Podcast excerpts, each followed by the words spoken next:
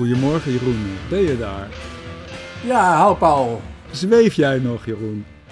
Nou, ehm, ik ben in allerlei vormen van dubio. Ehm, ook gelet op uh, wat ik dan uh, als gids beschouw van de verschillende stemwijzers.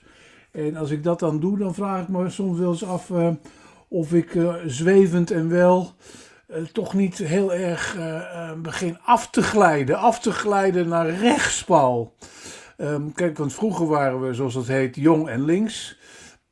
Maar nu, uh, als ik de, zo links en rechts antwoorden geef op die stemwijzer, kom ik op hele vreemde resultaten uit. Ja, dat had ik dus ook. Het gekke was dat ik de dingen invulde die voor mij belangrijk waren. En de partij met de meeste overeenkomsten, die kwam maar voor schrik niet 41% met mijn mening overeen. En dat was een partij waarvan ik dacht, nou, daar ga ik toch zeker niet op stemmen. Nee, nou ja, bij mij ongeveer vergelijkend. Maar uh, ik betrapte mezelf er ook op uh, dat met, met, toch met een zekere conditionering uh, dat zit uh, in te vullen of aan te klikken. Uh, die te maken heeft met oude traditionele keuzes. En ik vraag me af hoeveel mensen dat ook eh, meenemen als ze achter die stemwijzers zitten. Nou ja, 69% van de kiezers heeft zijn keuze nog niet definitief bepaald, las ik gisteren.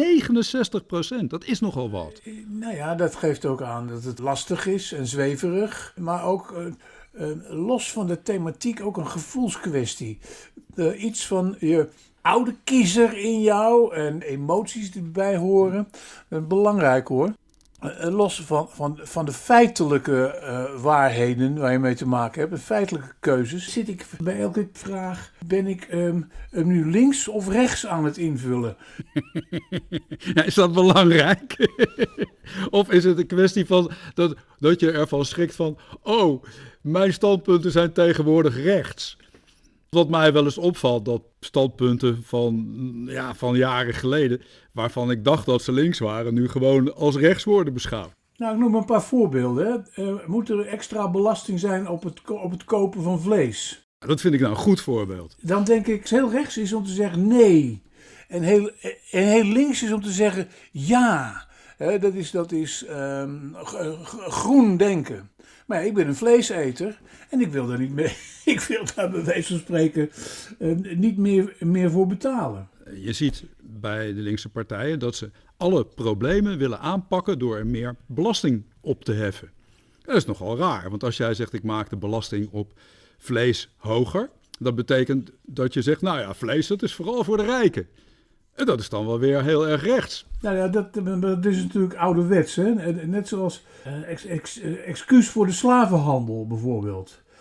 Um, links en progressief en solidair uh, zegt volmondig ja. Ik vind het zelf um, een beetje onzin, want die excuses die moeten niet nu worden gemaakt, maar die hadden destijds al worden gemaakt. Dus ik zeg nee. Maar vraag me gelijk af of ik dat niet heel rechts is. is dat belangrijk dan? Of is het niet gewoon een standpunt wat je moet erkennen van... hé, hey, kijk, zo denk ik nu. Nou, um, wat belangrijker is, die slavenhandel is um, ook een, een gevoelskwestie. Uh, heeft natuurlijk te maken met de racisme-discussie van nu. Uh, wat dat betreft belangrijk genoeg. Maar dan kerncentrales, hè? 30 jaar geleden toch bepaald taboe. Na Tsjernobyl in Nederland nog eens extra. Nou ja, daarvoor al. We hebben geprotesteerd omdat we bang waren voor eh, de opslag van het radioactieve afval. Maar een, een, een nieuwe kerncentrale is ouderwets oneens links. Uh, eens met de bouw van een nieuwe kerncentrale, vraag ik me af, is dat dan rechts? Als je kunt afvragen of die niet heel erg veilig en intrinsiek zeker en zo worden gebouwd. Dat soort um, dingen um, spelen wel mee in het intoetsen van ja of nee. Het zijn ja of nee vragen, hè? maar je kunt het ook neutraal laten, je kunt ook in het midden blijven. Maar dan ga ik dan naar, naar het resultaat. Als je het um, rondje aanklikt voor alle partijen, kom ik uiteindelijk uit bij de Piratenpartij en trots op Nederland. nou, daar schrik, ik, daar schrik ik dan zo van dat ik eh, direct ga naar de zittende partijen, dat rondje aanklik. En dan kom ik uit op of de Partij voor de Dieren of GroenLinks. Ja, ja, ik herken dat. Dus dat is merkwaardige nuance. Dus je, je komt in, in de alle partijen, hè, in die, die hele uh, totaal opsomming eh, van zittende partijen en die reeks splinterpartijen uit op tamelijk rechtsige uh, kleine partijen. Of uh, als je het alleen beperkt blijft tot de bestaande, op duidelijke uh, partijen van spectrum links. Dat is heel merkwaardig. Dat is ook zo op dit moment. Je hebt 30 partijen om uit te kiezen. Dus er is een enorme versnippering gaande. Nou, zoveel partijen zijn, dat is inherent aan het Nederlandse systeem. Maar dat geeft uh, ook wel even iets aan over de toegenomen differentiatie. Maar 30 is wel heel veel, Jeroen. Je zou het ook een uh, bewijs kunnen noemen van emancipatie. en ehm, je kunt wel vaststellen, denk ik, niet eens voorzichtig, dat het een beeld geeft van de enorme hoeveelheid verschillende belangenpartijtjes naast de zittende orde. dat is natuurlijk al twintig eh, jaar aan de gang. Wat ik dus heel sterk mis, is een samenhangende visie.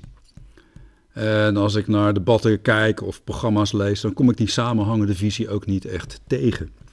Hoe zie jij dat? Wat is voor jou belangrijk bij die keuze? Um, ik denk wat dat betreft eh, dat het in deze verkiezingen, uh, hoezeer ook uh, onder de uh, wolken van corona, toch gaat over een aantal noodzakelijke dingen die, die in Nederland eh, van belang zijn. Die moeten gebeuren, zoals de woningbouw, woningnood. Um, um, een duidelijke visie op investeringen en geld voor bescherming van milieu. Wat natuurlijk een grensoverschrijdend probleem is. En de Nederlandse deelname op groot Europees niveau vraagt. Um, daarna natuurlijk um, datgene wat algemeen belangrijk is, of je nou links of rechts bent, um, de gezondheidszorg. Want je blijft natuurlijk mens. Door corona nog eens een keer extra zichtbaar gemaakt. En daarnaast, en dat is dan uh, een, een, ook een belangrijke pijler waar uh, een toch heel secuur beleid op moet worden blijven gemaakt, is diversiteit en immigratie. Die immigratie die stopt natuurlijk niet. Maar wat vind jij dan, Paul, over samenhang en die, die thema's die ik noem? Ja, nou dat, dat, dat vind ik heel lastig. Kijk, neem maar bijvoorbeeld het, het, het milieu. Hè. Dat vind ik dus echt een belangrijk thema. Waar ik uh, ook, ook mij over afvraag van uh, hoe gaat het met de wereld? Hoe ziet het er over 20, 30 jaar uit? En, en dan kom je op allerlei tegenstrijdigheden. Want ik woon dan in uh, de Achterhoek. En men is hier van plan om vier hele grote windmolens neer te zetten, midden in de natuur. 250 meter hoog, de hoogste van Nederland. Ja, daar keert de bevolking zich tegen en daar uh, voel ik me wel mee verwant. En dan zie ik bijvoorbeeld ook een grote tegenstelling tussen aan de ene kant milieu en aan de andere kant natuurbescherming. De natuur die gaat hard teloor. Er worden heel veel bomen hier omgekapt. En dan zie ik ook bijvoorbeeld Jesse Klaver, die in Nieuwsuur enorm staat te schutteren wanneer hem wordt voorgelegd of er wel of geen problemen zijn met die biomassa-centrales en of dat nou wel zo goed is voor het milieu. En dan zegt hij eigenlijk, ja, we moeten ze maar sluiten. En aan de andere kant kan dat weer niet. En dat bedoel ik met een algehele visie. Er wordt tegen mensen gezegd, ja, we moeten van het gas af. Maar het kost je wel 40.000 euro. Ja, dat is natuurlijk niet regeren. Dat, dat is niet oplossen. Dat bedoel ik dus met, met een overkoepelende oplossing waar je daadwerkelijk iets mee kunt. Ten eerste zou Jesse Klaver wat dat betreft zijn huiswerk niet beter hebben moeten gedaan. Ja, dat is ook bij hem voortschrijdend inzicht. Kijk, je, je ziet daar ook in eh, Amsterdam, waar ze windmolens wilden neerzetten als gemeentebestuur in de wijken en waar de mensen zich ook tegenkeren. Het, zijn misschien wel niet de juiste oplossingen. En dan eh, lees ik dan weer iets aardigs in het programma van de Partij van de Dieren, die daar als enige over heeft nagedacht, dat we het misschien niet kunnen oplossen met ons economische groeimodel. Het moet allemaal eh, meer, meer, meer. Wat wij laten liggen wordt ergens anders opgepakt. Wij gaan uh, minder autorijden en onze tweedehands auto's die gaan naar landen waar men nog niet zo massaal auto rijdt als hier. Dus ja, hoe moeten we dat doen? Dat zijn mijn vragen. En dan zoek je naar modellen en ideeën die daar een antwoord op geven. Het is heel kleins. Ik las in de, in de krant van de week dat als wij wat minder ICT-producten zouden weggooien, dat we bijvoorbeeld al heel veel CO2-uitstoot kunnen besparen. Wat bedoel je dan? Bedrijven gooien hun computers, hun telefoons elke drie jaar weg. En als ze nou eens in de zeven jaar hun spullen zouden weggooien, dan heb je al misschien een betere oplossing dan die vier windmolens hier. dus ik denk, ja, een, een visie op andere economie. Ook een visie op hoe voorkom je nou dat je weer van die toeslagenaffaires krijgt? Want ik vind het bijvoorbeeld heel raar dat allemaal geld wordt rondgepompt en mensen blijkbaar dus te weinig verdienen om voor hun zorg te betalen, om een goed huis te kunnen wonen en uh, hun kinderen naar de opvang te kunnen sturen. Dat zijn toch gewoon minimale bestaansvoorwaarden. Dan zou je toch zeggen, daar moet je als Nederland gewoon een plan voor hebben. Daar moet je voor gaan staan. En niet voor de persoon. We moeten kiezen op uh, nieuw leiderschap. Hoezo nieuw leiderschap? Daar kan ik me dus echt heel boos over maken. Hoe denk jij daarover? Wat is voor jou belangrijk? Nou, voor, vooral um, milieu en immigratie, wat ik al noem. Mm -hmm. Nou, immigratie vind ik dus een leuk voorbeeld. Hoe ga je, wat, wat, wat wil je als oplossingen zien? En waar vind je dat terug? Nou, het gaat wat mij betreft vooral over de sfeer. Uh, over de bejegening. Mm -hmm. En dat, dat, dat, zie ik dan toch weer, weer terug in die debatten van Rutte en Wilders. Wat um, natuurlijk uh, enorme, grotendeels gescripte toneelstukjes zijn. Maar die wat mij betreft ehm, ook behoorlijk achterhaald zijn. Het punt islam is al gemaakt door Fortuyn en overgenomen door Wilders. Op um, deels, deels niet onterechte gronden. Maar aan de andere kant zijn we toch sinds Fortuyn en in de periode van Wilders een stuk verder met bijvoorbeeld de inburging gelet op um, optreden in de media. En wat ik um, bijvoorbeeld uh, zelf afgelopen weken heb meegemaakt. In, in persoonlijke sfeer. Een verhuizing. Nou, die werd gedaan nadat we gekozen hadden voor een voordeliger bedrijf. Dat op zijn achterhoeks of op zijn Nederlands busje komt zo heet. Maar het bleek te worden uitgevoerd door een uh, team van Marokkanen. Die, die, ten eerste, die ten eerste gewoon heel goed Nederlands spraken. Uh, die ook uh, spraken in formules van klantvriendelijkheid. Die het efficiënt deden, die dat beleefd deden. En uh, die dat keurig deden. Gewone Nederlanders dus. Inderdaad, ook gewoon als mede-Nederlanders. Maar wat gebeurde daarvoor? De dozen, de dozen, eh, de verhuisdozen werden eh, aangeleverd door een tussenbedrijf. Uh, door een Nederlandse functionaris die tegen mijn vrouw zei... Uh, nou, dat busje komt zo. Uh, weet u wel wat dat zijn voor mensen? Nou, wat, wat bedoelt u? Nou, kijk maar hoe ze eruit zien. Dus daar kwam in de, in de, in de toch weer een, een, stukje discriminatie voor. Ja, alledaags racisme, ja. Er is nog veel werk aan de winkel. Dus aan de ene kant zeg ik dan wat immigratie en diversiteit betreft. Um, het is achterhaald om uh, alleen maar op te schimpen. Uh, maar aan de andere kant, er is uh, vooral in sfeer en benadering en bejegening en, uh, nog steeds heel veel te doen. En dan zie ik af van ehm, berekeningen achter de komma wat er precies in geld en zo in moet worden geïnvesteerd. De belangrijkste investering, de belangrijkste rijkdom is denk ik uh, de geest. En um, nou ja, wat mij betreft uh, geldt dat in het algemeen. Ook om deze verkiezingen, en daar wil ik ook even nog met je over hebben, Paul.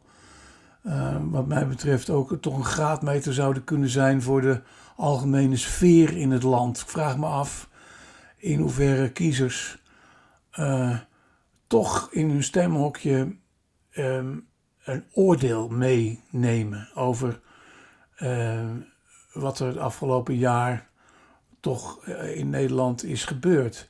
Of, of ze zich wel of niet onderdrukt voelen. of ze vinden dat de overheid middels corona toch niet een soort dictatuur invoert. Hè?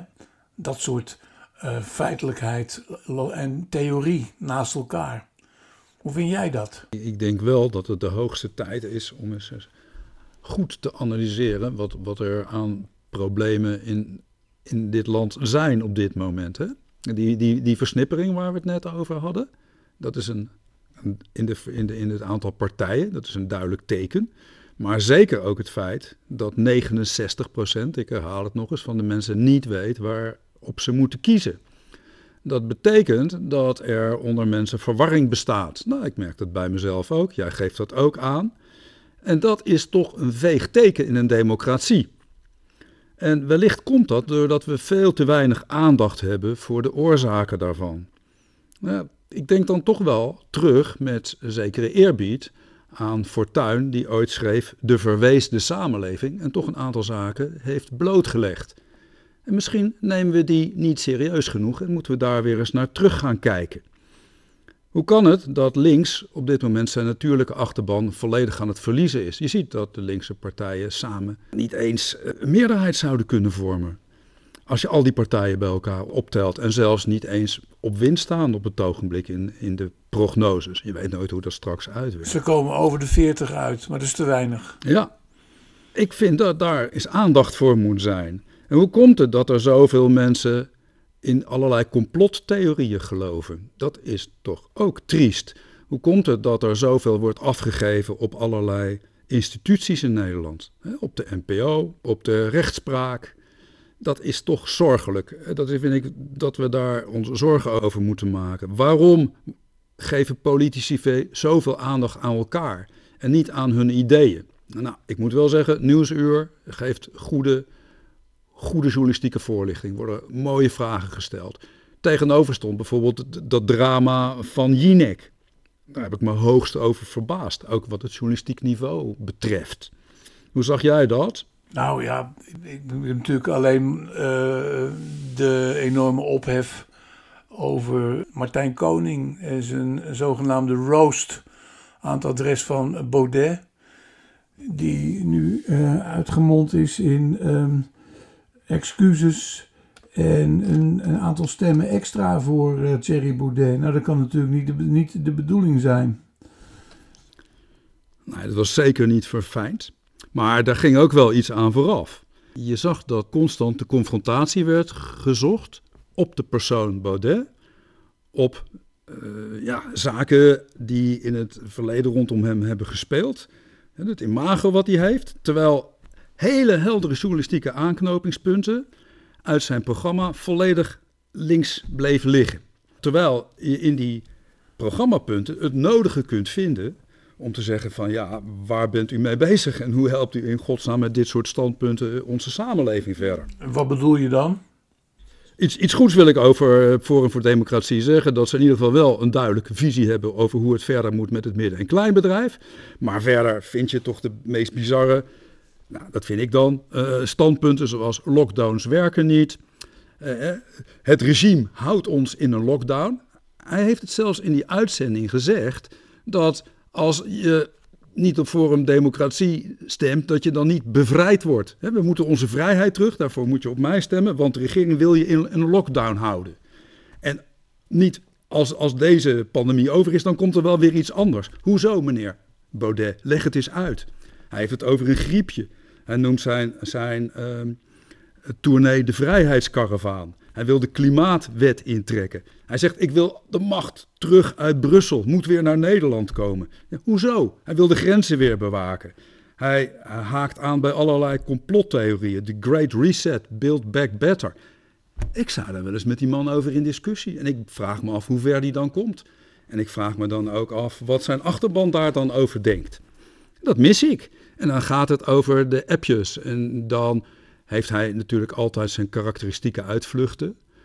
Eh, ja, maar daar schieten wij niet zoveel mee op. Het bezorgt de man eerder stemmen. Dan maak je hem een soort slachtoffer. In plaats van dat je hem op zijn standpunten uh, goed fileert. Nou, precies, dat is natuurlijk gebeurd nu. En dan dat einde, dat vond ik ook onsmakelijk. Dat hoort niet. Dat hoort absoluut niet. Maar hij loopt weg. En wat is dan het resultaat?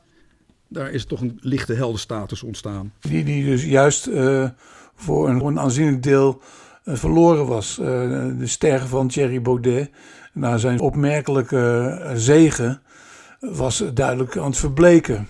Ja, die partij is opgeblazen. Dat is de schuld van de partij zelf. De, de, de, mensen zijn weggelopen. Er is een nieuwe partij uit ontstaan. Ja 21. Nou ja. En je kan daar niet de media of uh, wie dan ook de schuld van geven. Het, het komt toch neer op uh, het, stemmen halen uit dat um, in Nederland manifest bestaande electoraat uit het begin van de, deze eeuw. Wat eerst door Fortuyn is uh, aangesproken. En uh, daarna door al zijn erfgenamen. Alleen was, alleen was, Baudet, alleen was Baudet natuurlijk een, een, een wat uh, uh, nuffig, uh, semi-intellectueel, verpakt verhaal. Wat toch neerkwam op de, de, de terugkeer naar een, naar een Nederland wat niet meer bestaat. Nou, sterker nog, wat nooit bestaan heeft. En dan zou ik Fortuyn toch willen nageven dat hij zijn standpunten in ieder geval baseerde op goed nadenken. Wat ik straks aanhaalde, de verweesde samenleving, de puinhopen van Paars. Hij had sterke analyses gemaakt. En dan kun je het al of niet eens zijn met zijn probleemoplossing. Maar de analyses, die, die staan nog wel hoor. En dat kan je toch niet zeggen bij uh, Forum voor Democratie of op dit moment voor, bij, bij Wilders, die met een programma vol onhaalbaarheden komt. Nou, dat wisten we al. Die gewoon letterlijk zegt dat hij weer terug wil naar de tijd van, uh, van uh, Zwarte Piet en Sinterklaas. Ja, ja dat is, dat, dan draag je niet bij aan de oplossingen voor problemen in de samenleving. Dan draag je niet bij aan een, een, een levendige democratie en dan zet je wat je dan de anderen ook verwijten kunt, jezelf toch buitenspel, denk ik. Zeker, maar democratie is ook dat je dus de mensen een stem geeft en een, een keus biedt. En uh, een stemhokje voor ze opent. En dat is de grote vraag. En kom ik terug op uh, thermometer of uh, letterlijk de stemming peilen. Wat woensdag het resultaat is. hoe Nederland ook in die sfeer van verdachtmakingen over regimes en dictatuur woensdag met zijn stem reageert. En of um, genoemde partijen met uh, hun onhaalbare, ondoenlijke standpunten niet toch weer een forse aanhang krijgen, stijgende aanhang misschien, of in ieder geval dat het electoraat even aanzienlijk blijft, altijd, altijd al is geweest. Dat, dat vind ik heel interessant. En of Wilders dan toch niet, um, ook gelet op zijn semi-anciëniteit, zoals hij tentoon heeft gespreid in de debatten van de afgelopen weken, toch ook weer niet aan aanhang wint. Ja, maar kijk, dat is best een probleem. Dan krijg je dus de tweede partij van Nederland, zoals de stand van zaken nu is, die niet deelneemt of niet, niet wil deelnemen, niet kan deelnemen aan een regering. Dat is toch jammer. En dan vraag ik me af, waarom komt er vanuit de PVV dan ook niet eens een hand om te denken van, nou, dit is mijn analyse, dit zoek ik aan oplossingen. Hier sluit ik dan eventueel compromissen op, hè, want je vertegenwoordigt toch een heel belangrijk deel van het electoraat. Maar kom je met standpunten waarbij je jezelf min of meer uitsluit? Nou, zolang hij het islamstandpunt uh, bevestigt, uh, zal er geen verandering komen. Nee. Maar dat niet alleen, hè? Dat niet alleen. Het gaat over veel meer dingen, veel meer zaken. Zit, als je zo'n programma goed leest, kom je toch wel rare dingen tegen. We moeten eh, meer aansluiten bij Rusland. Maar we moeten Erdogan laten berechten door het internationale strafhof. Hoezo? Is Rusland dan, is, is Poetin dan een fijner mens? Of ja, al, al, dat soort zaken, weet je, dat zijn rare, rare standpunten. de, de, twijfel aan de Europese gemeenschap, de, de klimaatdoelstellingen die, die ze niet onderschrijven. Het is lastig. Wat is hun visie op de toekomst? Ik weet het niet. Het is allemaal negatief. Ik vind het lastig. En ik vind het aan de andere kant uh, lastig dat je op dit moment heel veel problemen ziet in een samenleving, maar niet samen tot oplossingen gaat komen. Ik vind het wel een uitdaging voor de tijd. En dan denk ik dat vele politici daar eens goed over moeten nadenken en moeten proberen om weer tot geïntegreerde gedachtenvorming te komen in plaats van waar ik nog maar eens een keer mijn, mijn verontwaardiging over uitspreek, over leiderschap te praten als belangrijkste thema.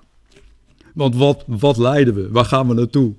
Ik wil best uh, iemand hebben die, die met in gedachten leidt. Maar leiders hebben we niet in Nederland. Nou, nee, we hebben iemand die heel goed op de winkel heeft gepast, eh, gepast die in nood is. Ja, goed gedaan. En dat, daar gun ik hem ook alle eer voor. Maar er zijn heel veel uh, winkeliers uh, die daar uh, natuurlijk heel anders over denken. En met die gedachte ook naar het stemhok gaan. Ja, dat is, dat, dat is ook zo. Wat dat betreft vind ik, Paul, komt ook met punten uit het programma van Wilders die dubieus zijn. Maar ehm, de verkiezingen worden in Nederland, waar het in Amerika tot een duidelijke afrekening kwam van Trump, toch te veel bepaald door het managen van corona. Terwijl in de toekomst, als corona is enigszins ingedempt, toch vooral gaat over het managen van al die andere belangrijke essentiële dingen. Ja, maar dan kom ik denk ik op een heel belangrijk punt. Zou het niet eens kunnen zijn dat we op dit moment ook wel eens wat behoefte hebben aan rust en zekerheid? Ik heb zelf een klein bedrijf, een kleine ondernemer ben ik. Als je ziet hoe je overhoop gehaald bent eh, de afgelopen jaren, behalve de lockdown, met alle regels, alle veranderingen, alle zorgen en in hoeverre er zelden of nooit uh, belangrijke afspraken worden nagekomen, ja, dan, dan heb ik ook wel eens vragen van waar moet ik op stemmen? Wie, wie kijkt er eens? Het is toch een hele belangrijke sector in Nederland. Wie heeft er een duidelijke visie op? Als je dat allemaal schetst, Paul, en nu voor je persoonlijke belang, uh, wat natuurlijk onderdeel is van het belangen van heel veel vergelijkbare ondernemers. En over leiderschap gesproken, uh, is dan Rutte de leider die je nodig hebt? Ik vind in ieder geval in zijn programma wel een heleboel terug waar ik wat aan heb. Bijvoorbeeld als ik kijk naar de Partij van de Arbeid, die heeft ook visies die ik deel. Maar als het dan gaat om klein ondernemerschap, dan denk ik dat er weer een heleboel zaken zijn die men niet doorziet.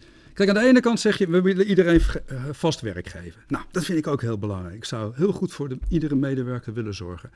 Maar aan de andere kant, als het dan gaat om ook een ontslag wat te vergemakkelijken, dan vind je de Partij van de Arbeid weer op de barricade. Ja, maar dat, dat kan niet, hè? Men vergeet vaak dat je als kleine ondernemer twee jaar ziekte moet doorbetalen. Als je iemand in, in dienst hebt die niet meer functioneert, dat je hele hoge ontslagvergoedingen moet gaan betalen dat als je stopt, dat er allerlei transitievergoedingen zijn die het ook weer moeilijk maken om je bedrijf over te dragen. Daar wordt nooit over nagedacht. Regeringen beloven al heel lang om iets te doen aan die, die, die ziektekosten die drukken op kleine ondernemers. Het staat zelfs in het regeerakkoord. Gebeurt helemaal niks. En dan is het ook wel eens lastig om weer eens te kiezen voor verandering. En wat moet er dan veranderen? Dit is uh, het beeld van een tollende stemwijzer. Nou, ik denk wel een beetje aan Volt. Ik vind het wel belangrijk dat we eens gaan denken aan wat meer Europese integratie. Vind ik wel heel belangrijk voor de toekomst. Ik zie ons niet als een heel klein landje uh, de problemen van deze tijd oplossen. hey, wat is je verder nog opgevallen deze week? Nou, dat het allemaal zo weinig opviel. Dat het los van dat incident rond um, Baudet eigenlijk opvallend tam blijft. Nou, ik heb nog een heugelijk feit, Jeroen. Bokito is vandaag jarig. Gefeliciteerd, Paul. Het is toch wel een mooie les, hè? Bokito, dat was toch die Baffiaan? Die, Gorilla. Eh, die, een, vrouw die Gorilla. min of meer verliefd op Bokita was. Oh, het was een gorilla, ja. Verliefd op hem was geworden. De kooi insleurt. Ja, daar moet ik wel eens aan denken bij de politiek. Hè? Dat je, dat, en aanhakend bij jouw complottheorieën, waarbij mensen achter Bokito's aanlopen. En misschien sleuren die, hun, sleuren die die aanhang wel de kooi binnen en loopt het wel slecht met ze af. Dus Bokito leert ons een goede les vandaag. Ja, als we toch in het, in het dierenrijk eh, eh, moeten doorgaan, eh, denk ik toch ook aan die, aan die leeuwen van Artis. Die moesten verhuizen. En nu toch, wegens geldgebrek is het toch? Ja. Ja, triest hè, triest. Die, die, die, dan toch als een soort allochtonen in Frankrijk weer niet welkom zijn en toch in Amsterdam moeten blijven. Ja. ja, triest, triest. Jammer dat we daar geen geld voor over hebben. Ik ben dol op dierentuinen. Zal het dan toch de Partij van de Dieren worden, Paul? Zal het dan toch de Partij van de Dieren worden? nee, nou, die, die zijn niet zo dol op dierentuinen, Jeroen. hey, tot, eh, tot volgende keer. Oké, Hi. ik ben er nog niet uit.